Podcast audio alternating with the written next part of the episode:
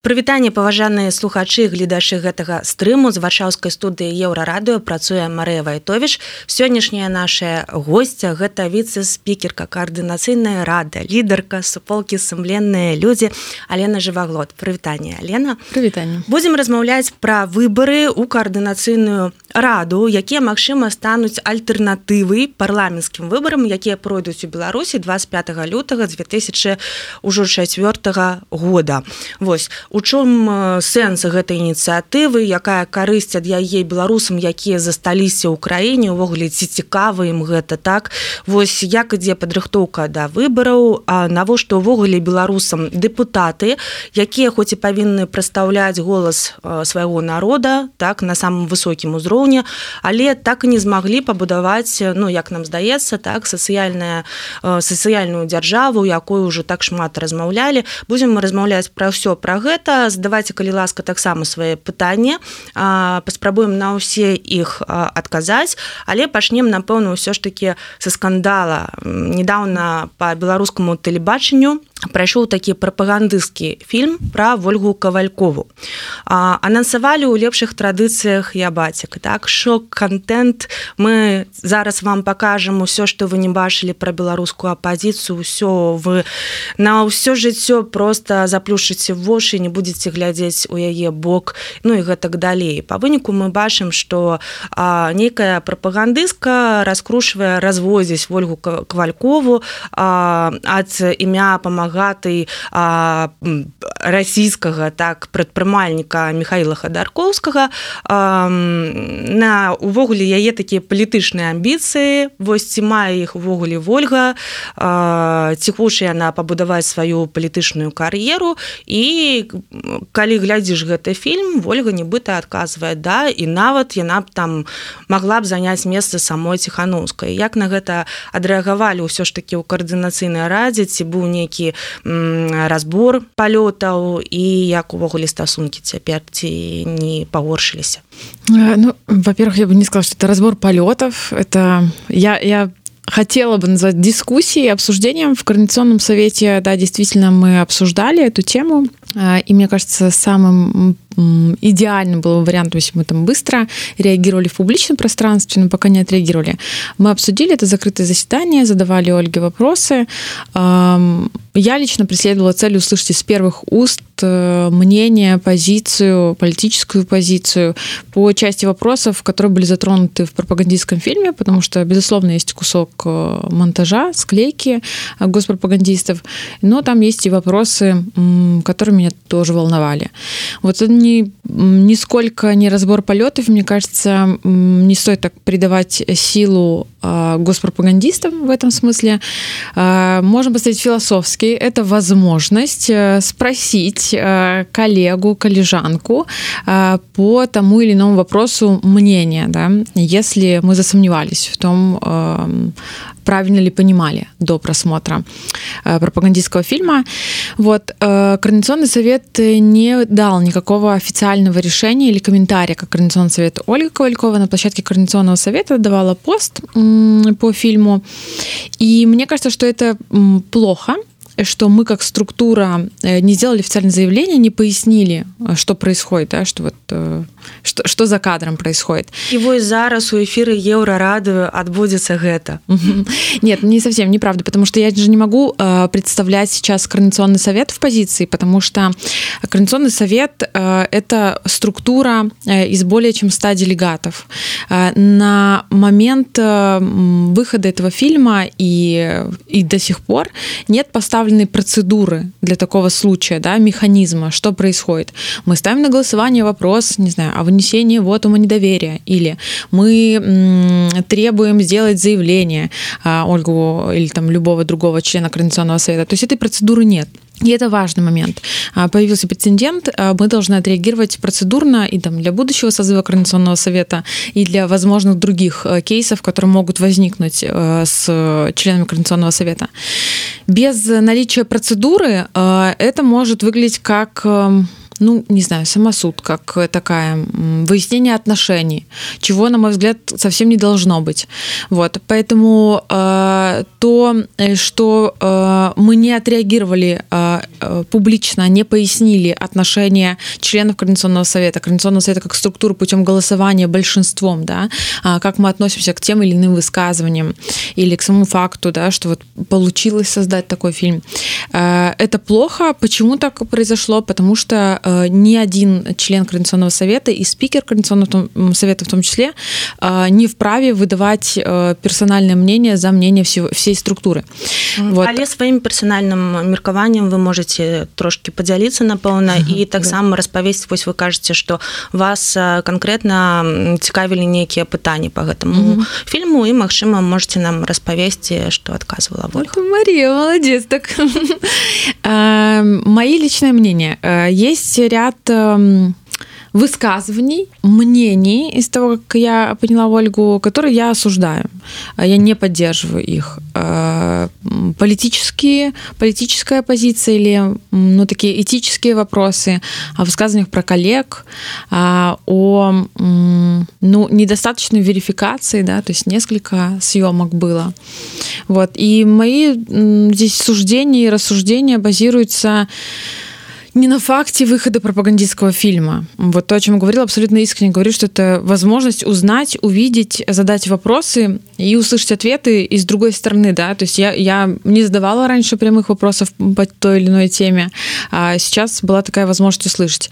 А, мне кажется, что во-первых, важно Ольгу приглашать и дать возможность по этим темам а, пичить а, свою позицию Ольги Ковальковой а, на независимых площадках, а, чтобы а, те, кто уже посмотрел, а, кого затронула эта тема, могли сопоставлять, да, то есть есть склейка, монтаж а, госпропаганды, а, а есть реальное мнение и рассуждение политика Ольги Ковальковой на площадке независимых медиа. Это будет, наверное, самое правильное. А, э, здесь, наверное, есть момент ну, такого переживания за то, как уязвимы могут оказаться а, белорусские демократические политики. А, я говорю сейчас просто о, о том факте, что ну вот то, что вы назвали, развели, да, вот, вот это, получается, случилось, потому что было несколько созвонов. То есть до определенного момента а, белорусский политик верил, да, что говорит действительно там с демократическими российскими игроками. Вот. Это вопрос верификации, как мы взаимодействуем. Ну и, пожалуй, я бы не хотела, наверное, а, входить в детали, чтобы вытаскивать факты из этого фильма. А, пусть не будет у него просмотров много, и госпропаганда не добивается своей цели. А, ну да, наверное, корректно с моей стороны проговорить, что я вижу вижу в этих суждениях большое, большое расхождение с моими убеждениями, с моей позицией. Вот, я не поддерживаю, но здесь тоже каждый имеет право на свое мнение, на свою логику взаимодействия в демократических силах, а, на свою позицию а, и как высказывать, и как судить о результатах этим сил о взаимодействии. Ну, вот. дарэчы, вось цікава, ці будзе ў каардынацыйнай радзе нейкі вось гэты кейс, ці стане ён нагоды, так усё ж такі прыдумаць гэтую працэдуру, як з гэтым працаваць. Ну, то бок любы чалавек, у прынцыпе, усе жывыя людзі, любы чалавек можа быць на месцы Вольгі Ольги Ковальковой. Так? Угу. Я читала на портале «Зеркало», где она казала, что, у прынцыпе, паглядзела, калі журналістам да яе звярнуўся, нібыта, Ну, в прынцыпе я паглядзела нейкі малады хлопец на дажу я яго не бачыла вось ну але нешта вось яе засмучала што ён без камеры працаваў. Але вось нейкі контакт і ўсё паехала пайшло А можа вы над гэтым працуеце зараз? А, это одна часть вопроса, ну, скажем так, техническая, да, о том, а, как мы верифицируем вообще, кто с нами взаимодействует. Э, и представляю, да, что это большое удивление, и мое большое удивление, что не получилось распознать, что получился вот такой длительный контакт. Ну, вот здесь же нет же централизованного э, какого-то, не знаю, комитета по проверке, да, то есть это ответственность каждого политика индивидуально. Здесь не может Координационный совет как структура или там медиагруппа Координационного совета нести ответственность за все контакты, потому что все равно каждый член Координационного Координационного совета работает индивидуально, а, взаимодействует с журналистами, взаимодействует с, не знаю, партнерами в каком-то варианте виде. На то и политики, да, независимой политики. А, если говорить о процедуре реагирования координационным советом на случившееся, да, то есть предотвращать едва ли мы можем, это индивидуальная ответственность. А если говорить о случившемся, то да, здесь вот есть пробел, э, который нужно восстановить, а, чтобы реагирование было быстрым. И мне кажется, что здесь важно не то, как, ну или в том числе это, но не столь важно, как выстраиваются дальше отношения, взаимодействия, а как вы обсуждали с Ольгой а важно зафиксировать процедуру, а, процедуру рассмотрения вопроса и принятия решения Координационным советом. То есть какие варианты а, решений здесь могут. Это моя версия в том, что Координационный совет а, должен по мотивам вот этого кейса выдать публичное заявление по ряду вопросов, которые были подняты, чтобы была понятна политическая позиция, было понятно к тому или иному вопросу, там, о взаимодействии с российскими акторами, о готовности сотрудничать и партнерстве с демократическими или нет, например, например там вопросы этические не знаю, сколько можно нельзя выносить процедуры, процедуры регулировать, но тем не менее. То есть, а, чтобы белорусам стало понятно, что есть а, политика, она имеет такое мнение, такую позицию, она высказывается на независимой площадке. Есть Координационный совет как структура, которая говорит, мы либо совпадаем, либо не совпадаем. Чтобы а, стало понятно, это действительно весь Координационный совет так считает и считает, что вот это хорошо, а это плохо или нет. Вот этого мы, к сожалению, не сделали. Хотя много говорим о том, что что мы должны стать прозрачными, процедурными, а, фиксировать эти демократические процедуры. Ну, так есть сейчас. А, здесь и события ну, случились, да, э, во-первых, там, повестка, активно готовимся к этим выборам в Координационный совет, во-вторых, Израиль, в-третьих, еще много всего, что происходит. И я не снимаю важности этого вопроса, но получилось, что замешкали, затянули, не хватило скорости, я думаю, э, чтобы выработать эту процедуру. Но это то, что должно случиться. Mm. И да, я сама лично тоже переживаю за то, что а, все выглядит очень неоднозначно. То есть я лично тоже получала комментарии, как вы что, там реально все так вот думаете? А, и, наверное, тоже важный момент, а как, что, что в этом осуждают конкретно, да? То есть, а, с одной стороны, э, вот я сама говорю, что давайте не будем вытаскивать факты из этого фильма, да? Ну, але мы другой... ж таки про яго кажам і не да. казаць зусім мы не можем. Я лічу, што увогуле, канешне, цікавы быў такі выпадак, так?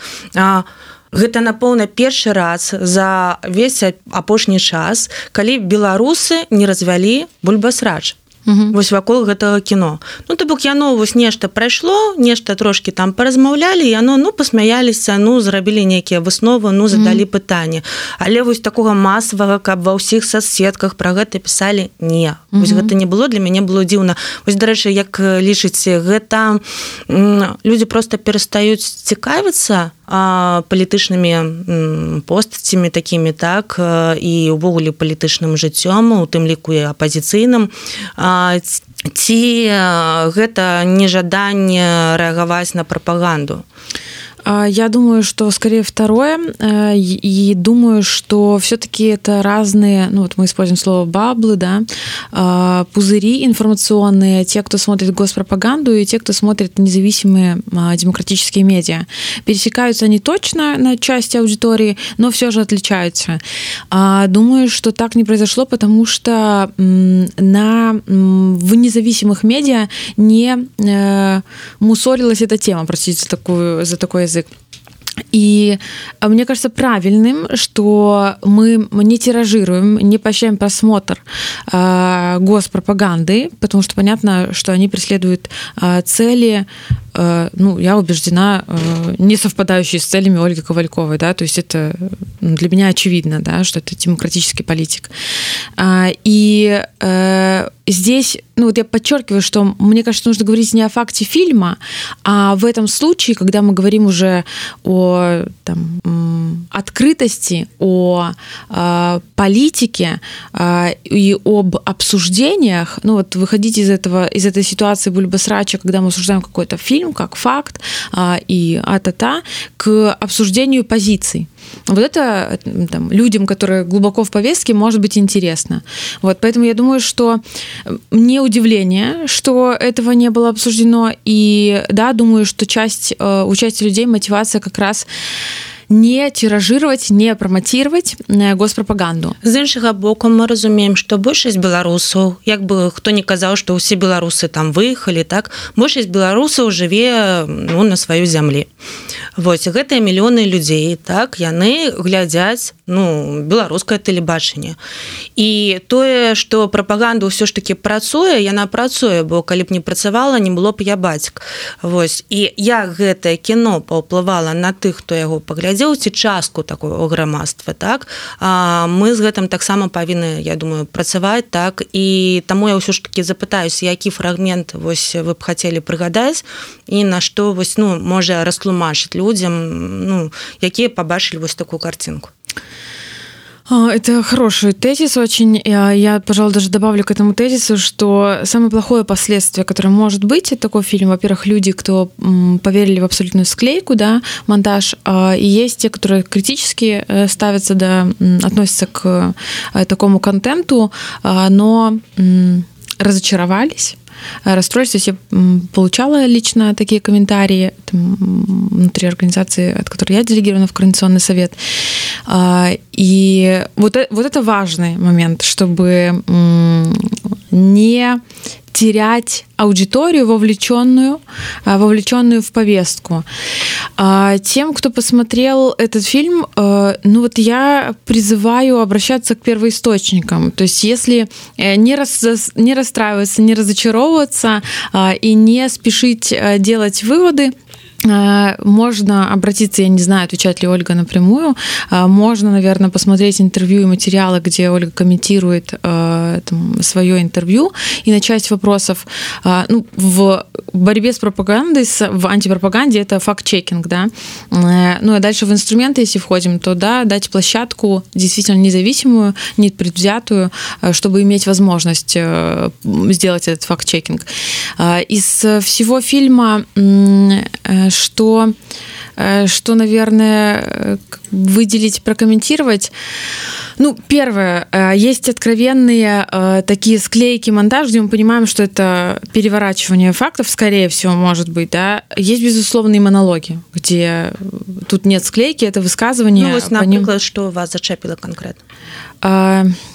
Ну, меня зацепило, кроме того факта, что я расстроилась, что вот получилось, да, все-таки так долго быть в контакте, не раскусить, а, наверное, расстроило такое комментирование деятельности э, демократических политиков и ну, такое отсоединение, да, Ольга говорила о том, что вот а, там, те или иные структуры или те или иные персоны там, пересматривают, не пересматривают стратегию, корректно, некорректно действуют, но фактически мы говорим обо всех нас, да, едва ли мы можем противопоставляться, вот, а, то есть это вопросы не только этические, на мой взгляд, это политические вопросы, как мы а, понимаем результат деятельности а, белорусских демократических политиков. Вот. А, ну, пожалуй, так. А, я думаю, што ўсе звярнулі ўвагу на палітычныя амбіцыі ольгі кавальковай. Яны ў прынцыпе былі раней ольга даволі актыўная актыўны дзеяч так палітычны. А, але вось гэтае кіно, якія б склейкі не былі, там бачна, што у ольгай вельмі палітычная актыўнасць такая. Вось ольга з'яўляецца сябрам каардынацыйнай рады. А, пытанне дарэчы ад Алекса, чаму дагэтуль ольга з'яўляецца сябрам координацыйной рады? Мне кажется я уже ответил на этот вопрос э, потому что э, никто лично э, не вправе исключать э, члена координационного совета из координационного совета. Для этого должна быть процедура в координационном совете во втором созыве этой процедуры нет. Я не знаю про первый созыв мне кажется что тоже не было. Э, то есть понимаете мы же э, сейчас создаем механизмы демократические процедуры. Мы не можем волюнтаристски решать приносить решение по любому вопросу даже управляющий состав э, совещания фракции Координационного совета или спикер Координационного совета. Э, эта процедура должна быть э, прозрачной, единой для всех членов Координационного совета. Поэтому если бы даже кто-то имел жесткое убеждение в Координационном совете, там, о том, что нужно исключить Ольгу из Координационного совета, то дальше это решение должно быть решением э, органа всего. У нас есть статут, по которому происходит общее голосование, и нужно собрать, чтобы был кворум, э, и вопрос нужно ставить на голосование. А вот, няма часу. Ну, тому, чаму а, подвисло а гэтае пытанне вопрос, что оно... причина что следствие mm-hmm. да насколько мы э, мы как структура взяли в приоритет этот вопрос а, потому что на что-то времени хватает, на что-то не хватает времени. То есть это все-таки такой чувствительный довольно вопрос. А, я понимаю комментарий еще раз, э, разделяя осуждение Координационного совета за там, скорость, за нереагирование, за непояснение публичное. Да? То есть не Ольга должна за себя, не только Ольга да, должна оправдываться или пояснять свои действия, а, ну и площадка, структура в которой находится Ольга. Вот. Э, причина, что следствие вопрос, потому что, безусловно, время находится от расстановки приоритетов. Э, я не могу тоже сказать, что плохо то, что э, иные рабочие вопросы пошли в приоритет перед, перед таким кейсом, событием. Ну, так Але есть. нейкая реакция все ж таки будет, и некая заява будет. Я думаю, что можно да. чекать. Так? Я думаю, что да. Добра, перейдем до нашего вось основного такого питания, темы, так, это выборы у координацийную раду 25 лютага у беларусі адбудуцца парламенцкія выборы і палата прадстаўнікоў нацыянальнага сходу Рэспублікі Беларусь яна ускладзіць 110 дэпутатаў наколькі я памятаю так яна абіраецца раз на чатыры гады. І гэтым разам увогуле чакаць чагосьці цікавага ад гэтай кампаніі у беларусі не даводзіцца. Ўлады настолькі ўжо запужалі свой электарат что ну просто любая ініцыятыва любое іншае думства яно можа давесці да сутак за кратамі а то і ну можна сесці на шмат гадоў Вось. І ўсё было б вельмі дрэнна і не цікава але вось каардынацыйная рада аб'явіла пра свае выбары якія пройдуць там паралельна так? У чым сэнс гэтай ініцыятывы? Давайте нагадаем трошки так? Вось. І якая карысць ад яе беларусам якія жывуць усё ж таки ў Беларусь выборы в координационный совет будут. Это уже принятое решение путем голосования в общем заседанием Координационного совета. А, это уже, мне кажется, хорошо, что решение принято эм, официально а, и однозначно. Э, сейчас, октябрь и до 8 ноября мы, Координационный совет, будем заниматься тем, что вырабатывать избирательную систему. Избирательная система сейчас э, это нерешенный вопрос. Это вопрос дискуссий, дебатов, э, консультаций, э, сравнений, экспертных оценок, какую избирательную систему имеет смысл нам, Координационному совету, принять. К 8 ноября мы должны вернуться с этим решением в публичном пространстве также, дать сроки, дать ну, что-то вроде избирательного кодекса, я бы сказала, да, наверное, на таком на таком языке понятнее положение о том, как пройдут выборы в Координационный совет. А сегодня в повестке есть э, разные, разные подходы. А, у нас несколько концепций внутри Координационного совета. Есть э, экспертные комментарии снаружи от игроков. Мы уже проводили серию круглых столов и будем продолжать общественные дискуссии тоже проводить на этот счет. Зачем выборы в Координационный совет? Во-первых, потому что мандат текущего созыва Координационного совета это закончится. Соответственно, каким-то образом э, должен обновиться состав Координационного совета. Каким это и есть вопрос процедуры. Э, уже на моменте второго созыва вот нашего Координационного совета было зафиксировано длительность, что мы один год э, работаем, у нас мандат, и дальше должны произойти э, выборы каким-то путем. Процедура не была согласована. А, дальше, в зависимости от того, какая будет избирательная система, понятно, что э, по-разному произойдут эти выборы, произойдет этот отбор. Да? Репрезентация как задача, как цель, э, ну, мне кажется, уже никуда не денется. Какую часть белорусского общества, я подчеркиваю часть, потому что я слышу много комментариев к второму созыву, да, кто вы такие, как вас набирали, что резонно, это было не очень э, понятно, да, мне кажется, что не доработали в публичном пространстве, не пояснили эту процедуру, каким образом мы попали в Координационный совет, то есть это уже был такой э, транзитный, транзитный переходный период к, к выборам, к установленной процедуре. Э, вот тут э, я думаю, что важно до того, как начнутся выборы в Координационный совет, провести вот эту кампанию, ну, скажем, адвокатирование механизмов, демократических механизмов выборов, пояснение о том, а, как пройдут выборы, чтобы начались не а, программы кандидатов в Координационный совет сразу, да, а чтобы мы, Координационный совет, пояснили, что будет происходить. Ну, а после этого пригласили уже белорусов, белорусок к голосованию. Зачем выборы? А, я думаю, что здесь, наверное, на поверхности лежит ответ, чтобы те, кто желает, избиратели, белорусы, белорусские, кто желает повлиять на деятельность политиков, демократических сил Беларуси, имели эту возможность. А, опять-таки, здесь вопрос. Мы говорим, потому что есть в повестке обсуждения и через делегирование. Кто-то говорит только о прямых выборах, никакого делегирования. А, какие критерии к кандидатам? Все это дискуссионные вопросы пока. А, но фактически мы говорим о том, чтобы ну, двигаться в логике протопарламента, и выборность, безусловно, это то, что необходимо для такой структуры, для такого органа.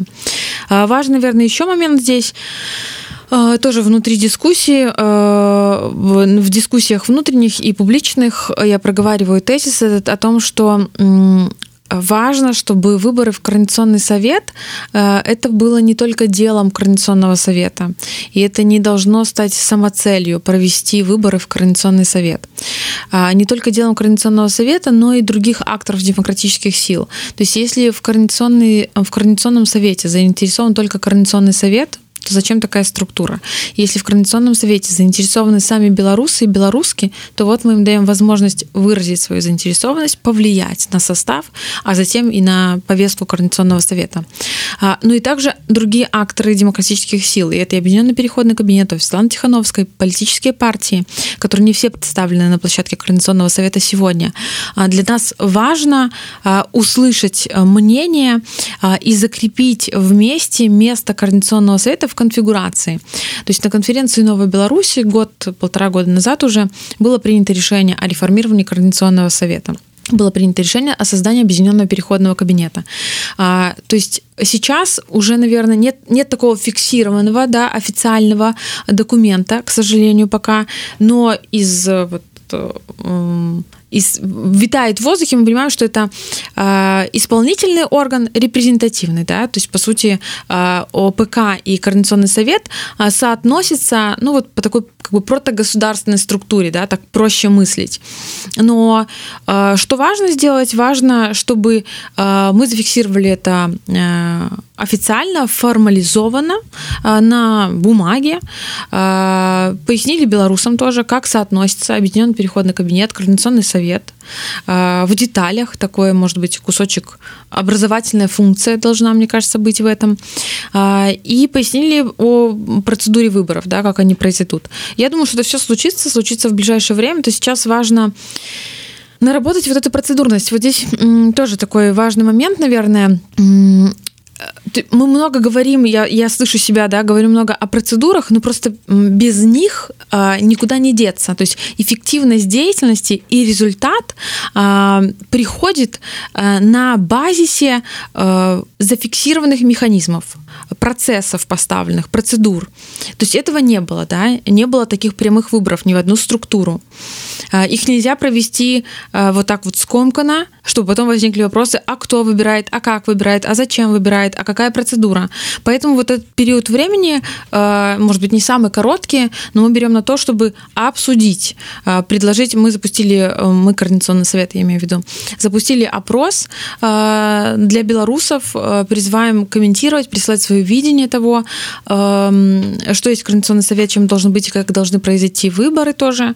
Вот, поэтому я призываю всех вовлекаться, потому что, еще раз говорю о том, что выборы в Координационный совет не должны стать самоцелью и не должны быть вопросом только Координационного совета. Иначе зачем тогда а, структура, которая ради себя а, проводит выборы а, и сама определяет э, состав и, и мандаты и прочее, и пятое, и десятое. Мы так само просим задавать пытанні і даслаць іх не толькі ў каардынацыйную раду але і под наш стрым і вось зараз я б хотела зачытаць каментар нашага слухача Макссіма Ён вас падтрымлівае дарэчы піша што шлях верны. Засталося неяк вырашыць як беларусам на зямлі ў гэтым бяспечна паўдзельнічаць. Вось ну і пасля кейса з ольгай кавальковай я разумею што страхаў у людзей будзе больш. Калі у вас ёсць сябра э, mm якога развялі прапагандысты дзе гарантыя што паўсюль сістэма бяспекі скажем адлажана mm -hmm. працуе. Вы mm -hmm. что вы думаете на гэты конт не думала я с этой стороны э, сразу даже не уловила какая связь между кейсом и выборами про здесь пожалуй про технический момент выборов да э, в первую очередь но и э, политически тоже. Еще раз подчеркиваю, что нет зафиксированной процедуры пока, то есть я говорю сейчас там свои рассуждения, свои мысли. А, первое про э, выборы и чтобы голосовали белорусы и белорусские. Безусловно, э, Координационный совет заинтересован во взаимодействии с белорусами. И, э, и я, в частности, считаю, что это первоочередная э, задача. При этом я считаю, что э, политика должна быть публичной, и мы не вправе, э, с одной стороны, подставлять белорусов, э, чтобы выходить, находящихся внутри страны, э, выходить с лицами и баллотироваться, подавать свою кандидатуру в Координационный совет как, как кандидаты. Э, с другой стороны, мне кажется неправильным это мои убеждения, это не решение, что в Координационном совете будут лица инкогнито в новом созыве. То есть нужно, чтобы э, все понимали, кто члены Координационного совета. Мое мнение. Иначе тогда о какой прозрачности мы говорим и о какой публичной политике. Это становится все сложнее. Да? Каждый раз нужно будет делать ремарки, потому что люди не знают в лица членов Координационного совета. Отсюда вытекает, что кандидатами, согласно моей версии, э, будут люди, кто в изгнании уже, да, кто выехали из Беларуси. Э, и у нас нет сегодня идеального варианта, то есть никакой вариант э, процедуры выборов в Координационный совет не является вариантом, который м, кажется безукоризненным и однозначно хорошим. Ситуация такая. Я думаю, что тут яшчэ пытанне у тым, як паўдзельнічаць менавіта проголосовать на таких так, выборах. Если говорить о голосовании, то здесь я вижу такую последовательность шагов. Первое, мы говорим об избирательной системе, нам нужно принять решение, какова система. После этого пишется техническое задание на технического провайдера на платформу для голосования. Какая это будет платформа? Одна из версий, что это будет платформа «Новая Беларусь», э, проект э, Павла Либера. Э, это также пока не решение, потому что под избирательную систему, ну, потому что представляем, да, что это могут быть посписочно можно, может быть, просто все физлицы могут подаваться, одни критерии, вторые критерии, насколько глубоко внутри платформы вести кампанию или нет. То есть много, много моментов влияют на то, как будет будет выглядеть запрос тех задания к платформе, которая может обеспечить процедуру выборов. А, и дальше уже э, выбор, ну, будем называть так, подрядчика, да, поставщика а, тех услуг. Безусловно, мы понимаем, что это вопросы безопасности. А, первоочередный, наверное, вопрос о том, вот я как его чувствую этот момент, верифицируем ли мы по паспортам белорусов. То есть, с одной стороны, чтобы говорить о том, что это голосовали точно белорусы с белорусским гражданством и белорусские, важно паспорт. С другой стороны, насколько возрастает сразу барьер, да, порог, чтобы оставить свои паспортные данные. Несмотря на то, что э, там, мы будем предлагать инструменты абсолютно безопасны, но просто представить, что люди будут массово голосовать, я думаю, что количество снизится. Вот это, на самом деле, на мой взгляд, самый принципиальный вопрос. А, и как требования формируются к провайдеру техническому, а, ну и, соответственно, на какое вовлечение мы можем рассчитывать. А, опять-таки, ну вот очень такой, такой стрим, где я говорю, опять-таки нет пока решения, это логично, что его нет, да, потому что мы не можем исходить из того, что есть такой сервис для голосования, ну, не знаю, в Телеграме голосование или где угодно, и будем его использовать. Мы исходим из того, что у нас есть наши критерии, вопросы безопасности, а, верификации а, избирателей электората, а, ну и дальше будем предлагать решение. Пожывем побачым як Да, будзе ўсё есть. так час ёсць а, у нас ужо засталося не так шмат часу але ж я не магу не задаць вельмі важное пытанне а, выбары ў каардынацыйную раду будуць праходзіць паралельна з выбарамі у а, нацыянальны сход. Такім чынам у нас адбываецца не толькі выбары на выбарах там ці там але яшчэ адбываецца такая вось э, сітуацыя калі выбары паміж выбарамі Мгм. там выбіраць ці там выбіраць так? У вас ёсць такі ну адзіны дзякуй Богу канкурэнт так? Мгм. гэта нацыянальны сход. Вось а навошта увогуле беларусам цяпер вось такія дзяржаўныя дэпутаты ці мае гэта сэнс м, ці можа туды пралезці нейкі актыўны чалавек сапраўды які будзе дапамагаць беларусам так ці там ужо ўсё на вашу думку ну без э, Мгм. Без шансов. мгм. А, так называемые выборы, да, мы всячески пытаемся кавычки и подчеркиваю, Мгм. что мы не считаем а, политическое шоу Лукашенко выборами, мы называем это имитацией, фейком, а, шоу, как угодно. А, будут в любом случае. А, мы никуда не от этого не денемся. А, как мы реагируем? Ну, мне кажется, что сейчас есть уже консенсус о том, что это фейк-имитация, мы их не признаем. Тем не менее, в Беларуси они пройдут. Кто из кандидатов будет выдвигаться, отвечая на ваш вопрос, ну, если это продемократические кандидаты, то они герои, эти люди, кто попробует выдвинуть свою кандидатуру. Я не знаю о целеполагании э, вот людей, но понимаю, что, что кто-то может выдвигаться. А вы бы Будут- агітавалі таких людзей вы смелых якія гатовыя вось выдвинуться Выдвигаться агітавалі так в канди- э, Я лично нет. И э, организация, там, честно, люди, которых я представляю, мы стоим на позиции, что агитировать, выдвигать свои кандидатуры в депутаты парламента или на локальном уровне, это, ну, не знаю, неправомерно, некорректно, неэтично, это это опасно. А, Я думаю, что будут демократические кандидаты. А, Наверное, кто-то будет рисковать на локальном уровне, э, выдвигать свои кандидатуры, но я лично не верю в то, что они станут депутатами. Поэтому я задаю вопрос, с какой целью мы это делаем? А, ну может дабудаваць сацыяльную дзяржаву напрыклад вось что думаете про гэта А, Я не верю в то, что а, концентрация а, героев а, сегодня в Беларуси демократических депутатов а, такова, а, чтобы перевернуть стол. То есть мы понимаем, что КГБшники согласовывают списки.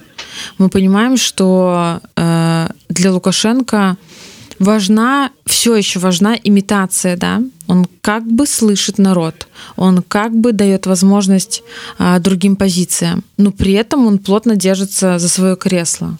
И поэтому я думаю, что в кандидаты еще допустят, а вот в депутаты нет, я не думаю, что будут допущены демократические депутаты, к сожалению. Вот. Э, Поэтому я бы призывала работать с людьми в Беларуси, с белорусскими белорусами, с, ну, кого мы электоратом, э, с теми, на кого обрушивается государственная пропаганда, с теми, кто в 2020 году не был на участках, кто плохо понимает, что такое демократические силы и кто такая Светлана Тихановская. У нас много э, молодежи, кто сегодня 18 лет кому, они будут иметь первый опыт, их приведут на участки. Вот я думаю, что с ними нужно работать. Нужно пояснять, почему это не выборы, нужно вести образовательную кампанию. Нужно помочь им пройти этот опыт, опыт так называемых выборов в Беларуси, таким образом, чтобы они сумели разобраться э, вот в этих политических лозунгах. Это фейк-имитация. Калі не браць э, тое что вось такая моладзь можа пачытаць у інтэрнэце так ну калі Мгм. не зарыентуецца дык не пачытае можа так колькі партала ўжо заблакавана ў беларусі Мгм. А хто мог бы такой выхаваўчай м, функцыі так э, вось заняцца так гэта людзі якія м, просто не з'ехалі але маюць сваю пазіцыю там супраць лукашэнкі супраць гвалту так і таго што адбывалася. Ці гэта нехта яшчэ? Вось як вы гэта бачыце? Калі, калі мы не будзем браць вось інтэрнэт і ну працу за мяжы скажем так? Угу. а, да это самі граждане беларусы беларускія это работа с сваім окружением с ближайшим. А, то есть важно чтобы э, мы те кто остался в беларуси живет в беларуси не включали режим ну здесь и так все понятно. И так очевидно что это не выборы. И так всем понятно э, хитрые замыслы лукашенко и что там будет происходить дальше с фнс вот к сожалению социология которую мы имеем показывает что не так все и понятно. И мы видим данные да как э, меняется статистика по доверию режиму сожалению. А, не, не самая позитивная информация. И мы видим данные о том а, как э, молодежь в возрасте 18-24 что это за сегмент с ними важно работать. Поэтому э, не стоит эм, когда всех судить по себе. Если вы сегодня понимаете что это фейк имитация что это обман а, то стоит допускать мысль что рядом с вами люди не понимают я э, стою на том что вот такое ну, то что говорите что делать если это не э, из в онлайне э, из инэкзайл кто в изгнании да кто вынужденно выехавшие я стою на том э, что нужно приходить на участки голосовать против всех то есть проходить э, этот опыт с людьми кто еще не разобрался. На активное действие диалог беседа гражданское образование нанизывается проще. Плохо, на мой взгляд, если мы спровоцируем состояние апатии, э, состояние, которое, вот, вот говорят, бойкот, там он может быть активным, может быть пассивную в большинстве своем люди понимают что это игнорирование не реагирование на повестку. Есть политически активные граждане а есть нет. Поэтому состояние апатии или это не меня касается потому что э, так называемые выборы в беларуси в парламенте никогда не пользовались популярностью. Это даже не президентские выборы да там явка какая минимальная. Они же сейчас сняли еще порог явки тоже. А, то есть э, даже осознавая то что лукашенко в любом случае посчитает так как нужно поставит своих людей нам нельзя нельзя провоцировать состояние апатии, не участие, поощрять эм, деполитизацию. Это в интересах э, Лукашенко. В наших же интересах, наоборот, мы последовательно, э, как минимум с 2020 года, движемся в логике политизации граждан, оставлять их в повестке, пояснять им. Вот, поэтому любое действие лучше, чем бездействие. Э, что делать? Действительно, там, я слышу вопрос, что делать там в офлайне, в Беларуси но все равно э, нашей задачей те кто находится в безопасности вести эту коммуникацию потому что для нас это безопаснее. Это вот. зразумела Дякую вялікі яшчэ новость просто под конец яшчэ пару пытанняў ад наших слухачоў так ці вось Ігор Петров пытается так ці распрацоўвае коаардынацыйная рада нейкі план на выпадак ну, некага забастоўкі страйку так і ці ёсць некая сувязь тут з працоўным рухам с працоўным рухам мы имеем в виду сейчас а, команду а, так мне кажется это публічныя персоны боюсь уже а, называть фамилии тут стоит уточнить во-первых працоўный рух я боюсь сейчас сказать пошли знаю организацию рабочий рух працоўный рух с которым мы тоже там сотрудничаем чей член делегат представлен в координационном совете равно сотрудничество есть и понимаем какую работу делает эта организация если мы говорим об одном и том же працоўном рухе я просто умышленно назвала фамилию потому что не не помню точно ли э, команда публичная вот э, сотрудничество есть да. Распрацоўываем ли мы план на случай забастовки и страйка? Я не могу сказать за всех членов координационного совета э, если этот план. Я точно понимаю что в составе координационного совета есть представитель рабочего руха кто непосредственно работал по этому, кто работает по этому вопросу, вот, кто в активном контакте с трудовыми коллективами.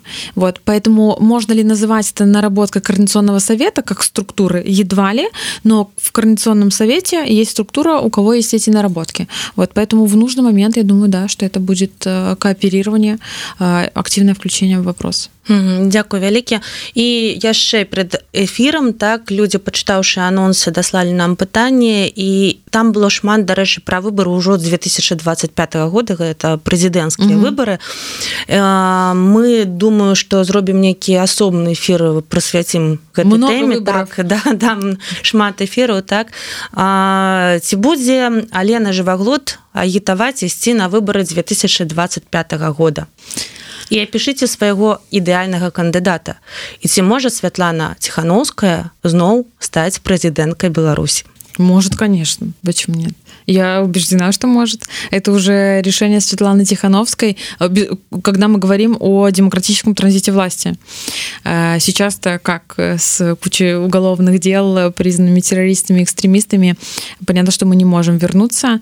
А выборы 25 года, э, слава богу, есть время, и контекст может меняться, э, контекст от нас независящий, зависящий, и наши действия могут приводить к результату, и даст бог, мы будем иметь действительно выборы, а не имитацию от Лукашенко. Вот, поэтому, а если мы говорим о ставках на то, будут ли это реальные выборы или лукашенковские, ну что, скажу оптимистично. Верю в то, что мы имеем шансы провести выборы. А если говорить о том, что Лукашенко останется при нелегитимной, но власти, то ну вот я убеждена, что нельзя оставлять белорусов, белорусок в Беларуси один на один с проблемой. То есть мы, находясь э, в изгнании, находясь не в Беларуси, э, должны реагировать, должны работать с этой повесткой. Вот, поэтому в любом случае, э, какими бы ни были эти выборы реальными либо нет, какое-то участие и реагирование мы должны предложить. Вот, буду ли я агитировать идти на участки, ну, нужно смотреть, что же это будут за выборы и, и каков будет контекст.